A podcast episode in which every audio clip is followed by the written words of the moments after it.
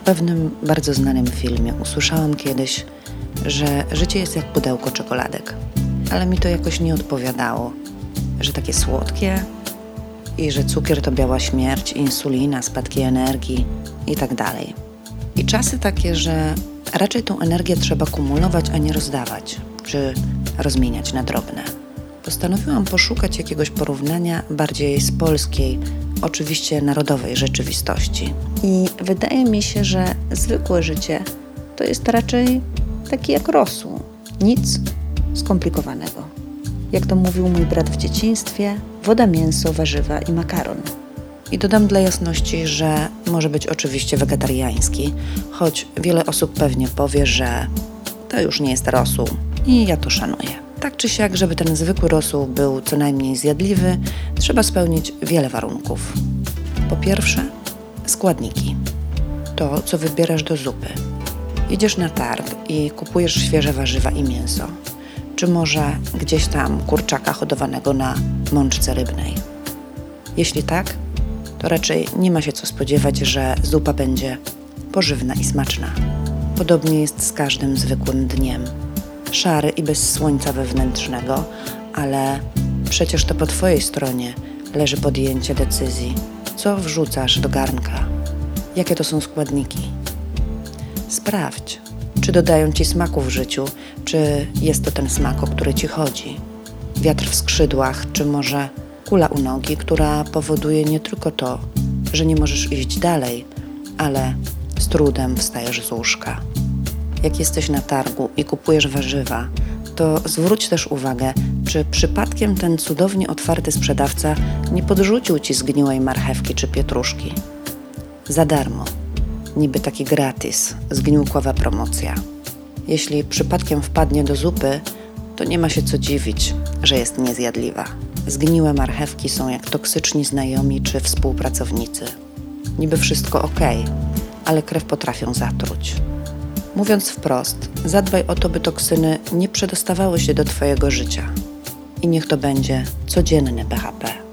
Zwróć uwagę na to, do czego lgniesz, gdzie wysyłasz energię, albo którędy zgniłki dostają się do środka. Po jakim spotkaniu jesteś najbardziej zmęczony? Dlaczego? Co się z Tobą dzieje podczas takiego spotkania? Uszczelniaj wydatkowanie energii lub zablokuj wydawanie jej na straty. Wracając do rosołu, jak już te dobrej jakości składniki pojawiły się w Twoim zasięgu, to pamiętaj o tym, że nie można ich wrzucić wszystkich naraz do garnka. Wszyscy wiedzą, że jest pewna określona kolejność. To jest proces, a nie pstryknięcie z palca. Ułóż swój dzień dokładnie tak samo. Sprawdzaj, co działa po sobie, w jakiej kolejności czynności życiowe są dla Ciebie najbardziej funkcjonalne i użyteczne. Może wystarczy coś przestawić, a niekoniecznie trzeba wyrzucać lub wpadać w irytację. Jeśli ustalisz, co w jakiej kolejności gotowania najlepiej wpływa na całość, to zwróć też uwagę, jaki ogień rozpaliłeś pod garnkiem.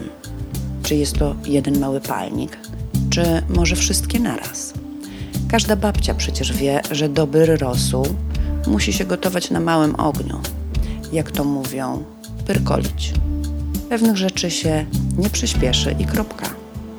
A człowiekom zdarza się, że nie jeden, a pięć kurków odkręcą. I się pali, i jest gorąco, i jest awantura, nawet jeśli tylko wewnętrzna. Zwróć uwagę na swoją narrację wewnętrzną. Co słyszysz? Kurczę, niby nic nie zrobiłam, a jestem wewnętrznie wykończona. Może to właśnie palniki, na których się nic nie gotuje oprócz ciebie, są ciągle włączone.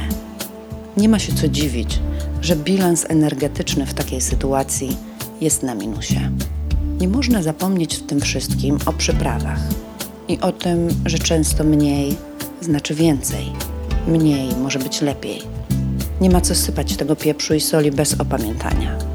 Może warto na przykład trochę mniej myśleć, ale za to konstruktywnie. Nie wiem też jak u Was, ale u mnie w domu do rosołu dodawało się i dodaje cebulkę. Bez cebulki rosół nie ma smaku, a cebulę wiadomo, żal, płacz i łzy. I tak już w życiu jest, wbrew temu, co pokazują na Facebooku. By rosół był jak trzeba, pozostało nam jeszcze wybrać sitkiem szumowiny. Ze zwróceniem uwagi na fakt, że to zupełnie zbędne produkty gotowania. Nie ma co ich trzymać na później. Szybko sitko spłukać, by się w tym zbyt długo nie babrać. I rosół gotowy. Każdemu wychodzi inny, nie wiadomo więc, który jest doskonały. Anglicy mają piękne określenie na posiłek, który im nie bardzo smakował. Zazwyczaj w takiej sytuacji odpowiadają: It's very good, but not my taste.